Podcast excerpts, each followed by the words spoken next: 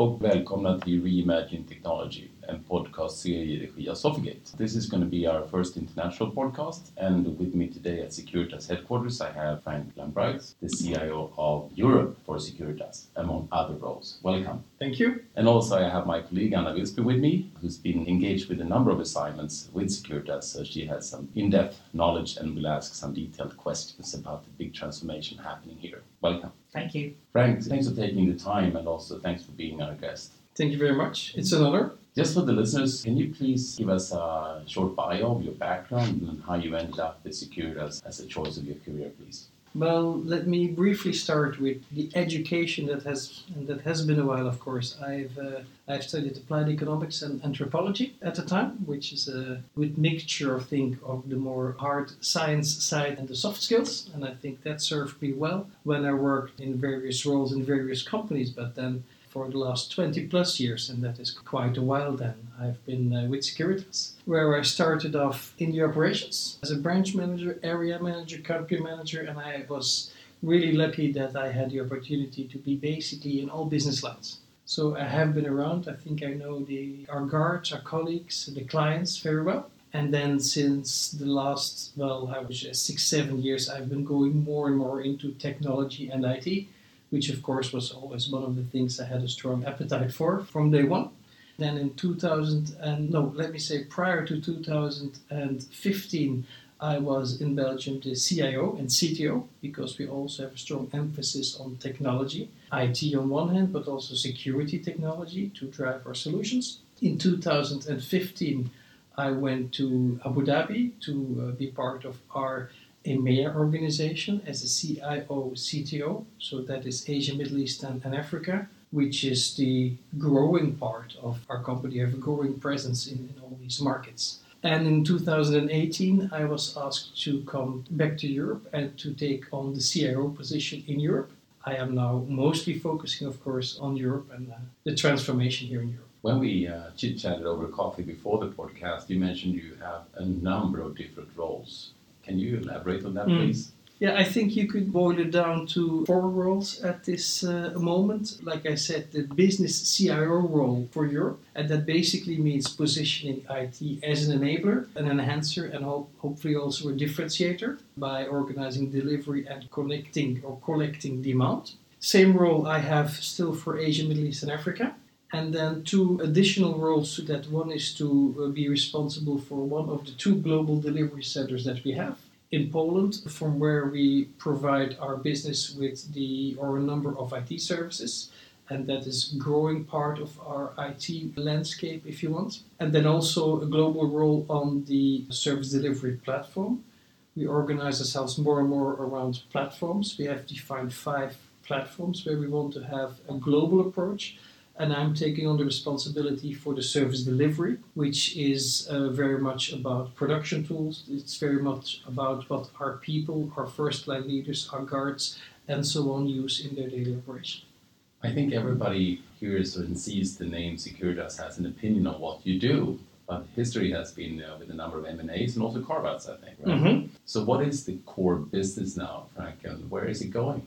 Well, the core business, like we like to call it today, is protective services. And like you say, there has been M&As, there has been carve-outs, but in the end, what we do is we combine risks and business needs and we translate that into a solution. And that solution is a mixture of technology and services. Technology, typical traditional security technology, services being offsite, on-site, remote. We're mostly known, of course, from the guarding element and the security guards that you see, and that is very much still an important activity. We are 370,000 people worldwide, so we are very much a people company, but that goes really hand in hand with the technology to enable and to enhance the people, and that is what we call the protective services.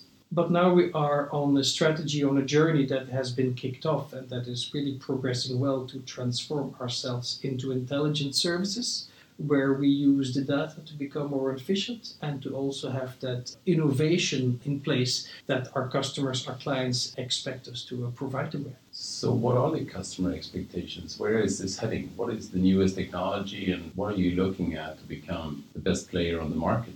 That is, of course, a very difficult question, right? I think we're a big company. I think we also have a responsibility, as given the company that we are, to play an important role in the security industry. Like I said, there is a part of our business that will be for quite a while more traditional.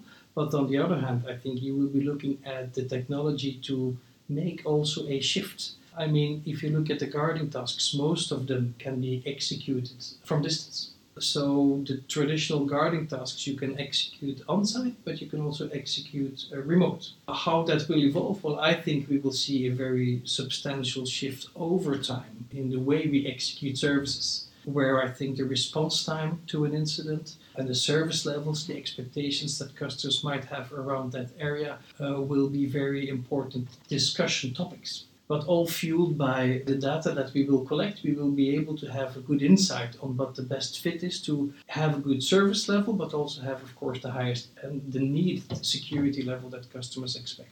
You can easily see that different customers have different expectations perhaps based on industry or size. What's your view on that? Is it very customized based on standard components? So you package something which is fitting to a specific customer need, or how does that work? We have 150,000 customers, and starting point, or clients, I should basically say. Starting point here is that every client is different. But then, of course, you also can see that there is a communality, right? When you look at small and medium sized companies, with all respect, I think there you have more similar needs. We will probably be working more with packages and combined solutions for them, while there is a lot of clients where we really try to work in a very tailored way because their needs are so site and industry specific. So we have quite some um, specializations in our organization as well around data centers when it comes to security, aviation, retail, just to name a few of them. I'd like to go back to the business CIO role,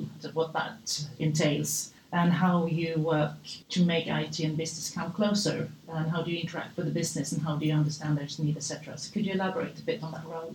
Absolutely, and then maybe I should start by saying that we made a major change in the last, well, 10 months. We had relatively small sized IT organizations in all countries and we wanted to leverage on that. So we executed a project where we brought all these resources together in, into one organization. We call that the lift, uh, while bringing all the people together. At the same time, we're executing a number of other activities in that space to make this an efficient organization. One of them being what we call right sizing, investing in the right areas where we think we can make the difference but also apply a new way of working. And it is very specifically in that area that we are putting in a lot of effort to set up an organization, a model, a way to connect directly with the business.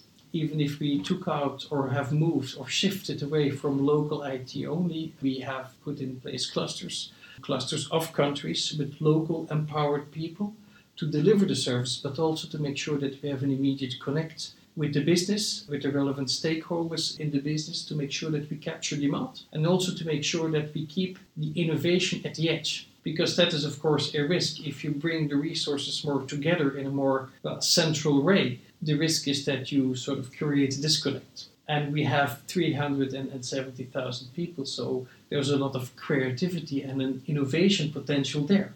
So we should be able to capture that, and that is what we're uh, trying very much to keep keep working and have in place. Any insights on how to do that on the best in the best way? I think one of the things is that in our organization, on both sides, you need the typical roles: a business analyst on one hand, key users on the other hand, but then of course some good governance mechanisms.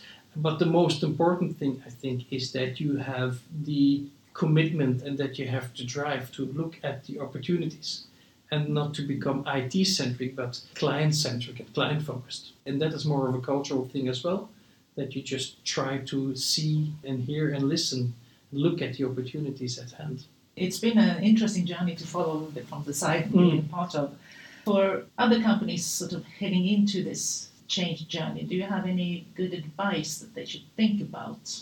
Lots of advice, probably because it has been quite a journey. I think it starts, of course, with having a clear vision on what you want to achieve. And I think we have that in our intelligence services. We need the commitment of the top management to actually make this happen. And I can say that from day one, that commitment was very much in place. IT is an often discussed topic at the highest and the lowest management levels in our, our organization. And then I think it's about bringing together the right talent around the table from all sides of the company, if you want. And then with some good external support, you can start the work, which is then, of course, very technical. You go pretty deep and you go into the details and the processes. And the key is then to be able to come back up again to a level that you can conceptualize it and make it into something tangible that can be understood and in the whole organization.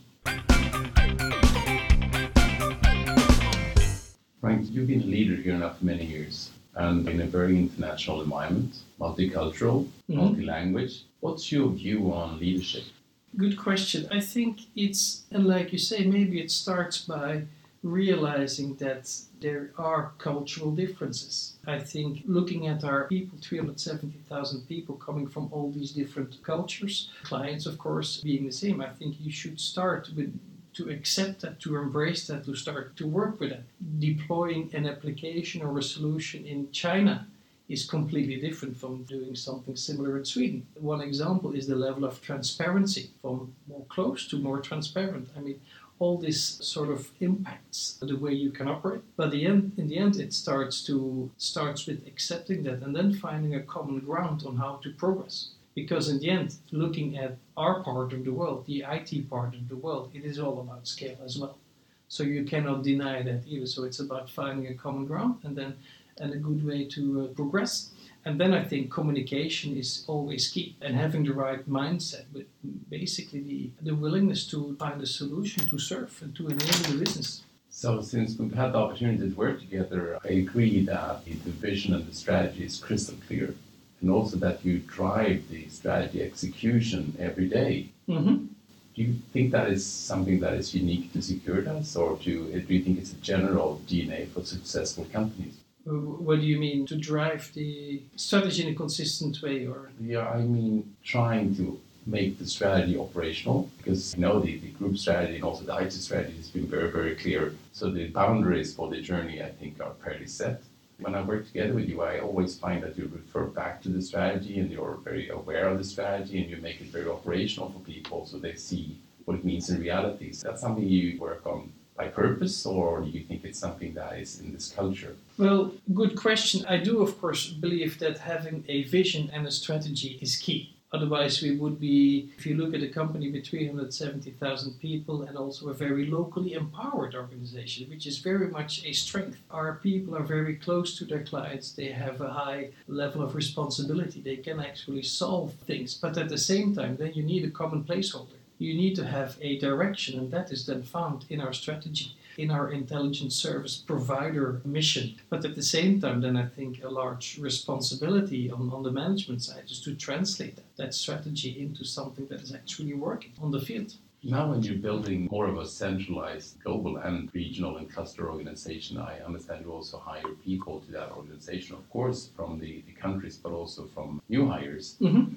What's your view on that? What's your thinking on diversity, skill, and building that team? What's your view on that, Frank? Well, I think we have to be high, high on diversity. That is something we have really tried to do when building the new organization, if I may call it like that. If I take the business CIO roles and the teams that we have put in place there, they represent basically the whole geography. And at the same time, it's a very good mix between the more experienced people that know the Securitas environment well, but also new external competences. It is really a great mix to see that come together. It also, of course, creates this natural reflex saying this is what Securitas is like, but this is then challenged by the outside view, by the newcomers. And I think this is actually a great mix that helps us progress very much.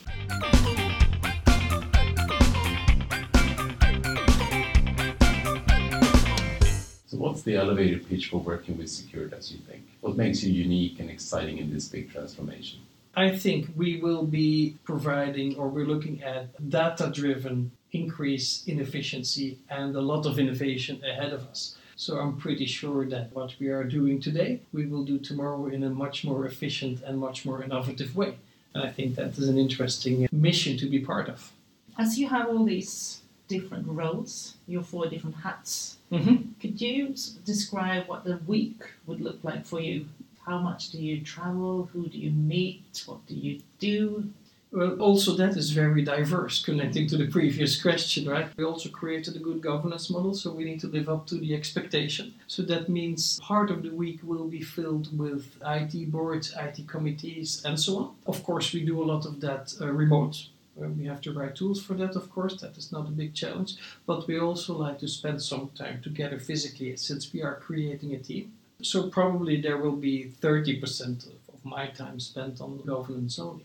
And then I think the, it is also about being out there because if you're just working from your office, wherever that is, that's probably not enough. It is important to be in direct contact with the business, with the clients, but also, of course, our local leadership teams. And that is where I would say for myself, but also for my team, a lot of uh, effort is uh, put in. And then when you look at the various hats, I think yeah, the substantial part is traveling. It's, and it's of course not about the travel in itself, but um, as you can imagine, 28 countries in Europe and 16 in Asia, Middle East. Luckily organized through clusters, but of course going out there is, is probably something that is happening uh, once or twice per week at least. Yeah. And so one of your bit newer roles that you have is this platform owner for the service delivery platform. What's what's it called? Yeah. Could you elaborate a bit on that, what that is, and why you have taken the platform road? Yeah. Well, w- what we try to do is the, we have a toolbox now on how to work and how to operate IT. We also have a common model, but we also want to be as global as possible. We want to keep the innovation very close, we want to keep the delivery very close to, to the clients, but at the same time, we need to have that scale. So we also try to find a global dimension where possible. And so we have identified really three out of five platforms where we want to achieve a certain level uh, when it comes to being global. That has to do with client engagement, that has to do with data and connectivity, and that has to do with service delivery. And uh, service delivery or the platforms, oh, sorry, or service delivery and the production tools is the platform that I am heading them. And that is very much about, well, the tools we actually use to deliver or to produce the services. One thing, for instance, is our work to digitize our frontline, if I may call it like that. So we have 370,000 guards out there. So if we could all make them become a bit more digital, if we can collect the data that we can collect in the right way and use for the right purposes, that is a very valuable source of information for our clients and our own operation. It's very much about that, I would say. And uh, so the service delivery platform will combine the two dimensions one, becoming more efficient, increasing productivity, uh, machine learning, for instance, to be used in a monitoring environment, but also about being innovative, bringing innovation, for instance, with a digital guard interface. So how do you find new ideas and innovation for these services? Well, the, the new ideas very often can come from the people who are actually doing it. If you would be talking to the guards and see how they can be helped with the right tools, I think that's a big source of inspiration. If you'd be looking at our current digital platforms, are I just gave the example of, of a monitoring environment. Well, if you can automate part of the processes and have some machine learning that take the right decisions, you can really drive that service to the next level. So how do you collect the uh, suggestions from the guards? We're a locally empowered organization, so it is very important that we involve our first line managers in the discussion. It's very important that we have local uh, key users who know our platforms and our tools in detail, and that we have that connect between these people, the key users, with the clusters, the local management, the country management, with the clusters. So our go to market, if you want, is a little bit through this cluster organization. Talking about innovation and, and inspiration, Frank, where do you find inspiration outside the company, looking at other industries perhaps, or research institutes, and where do you get your insights from?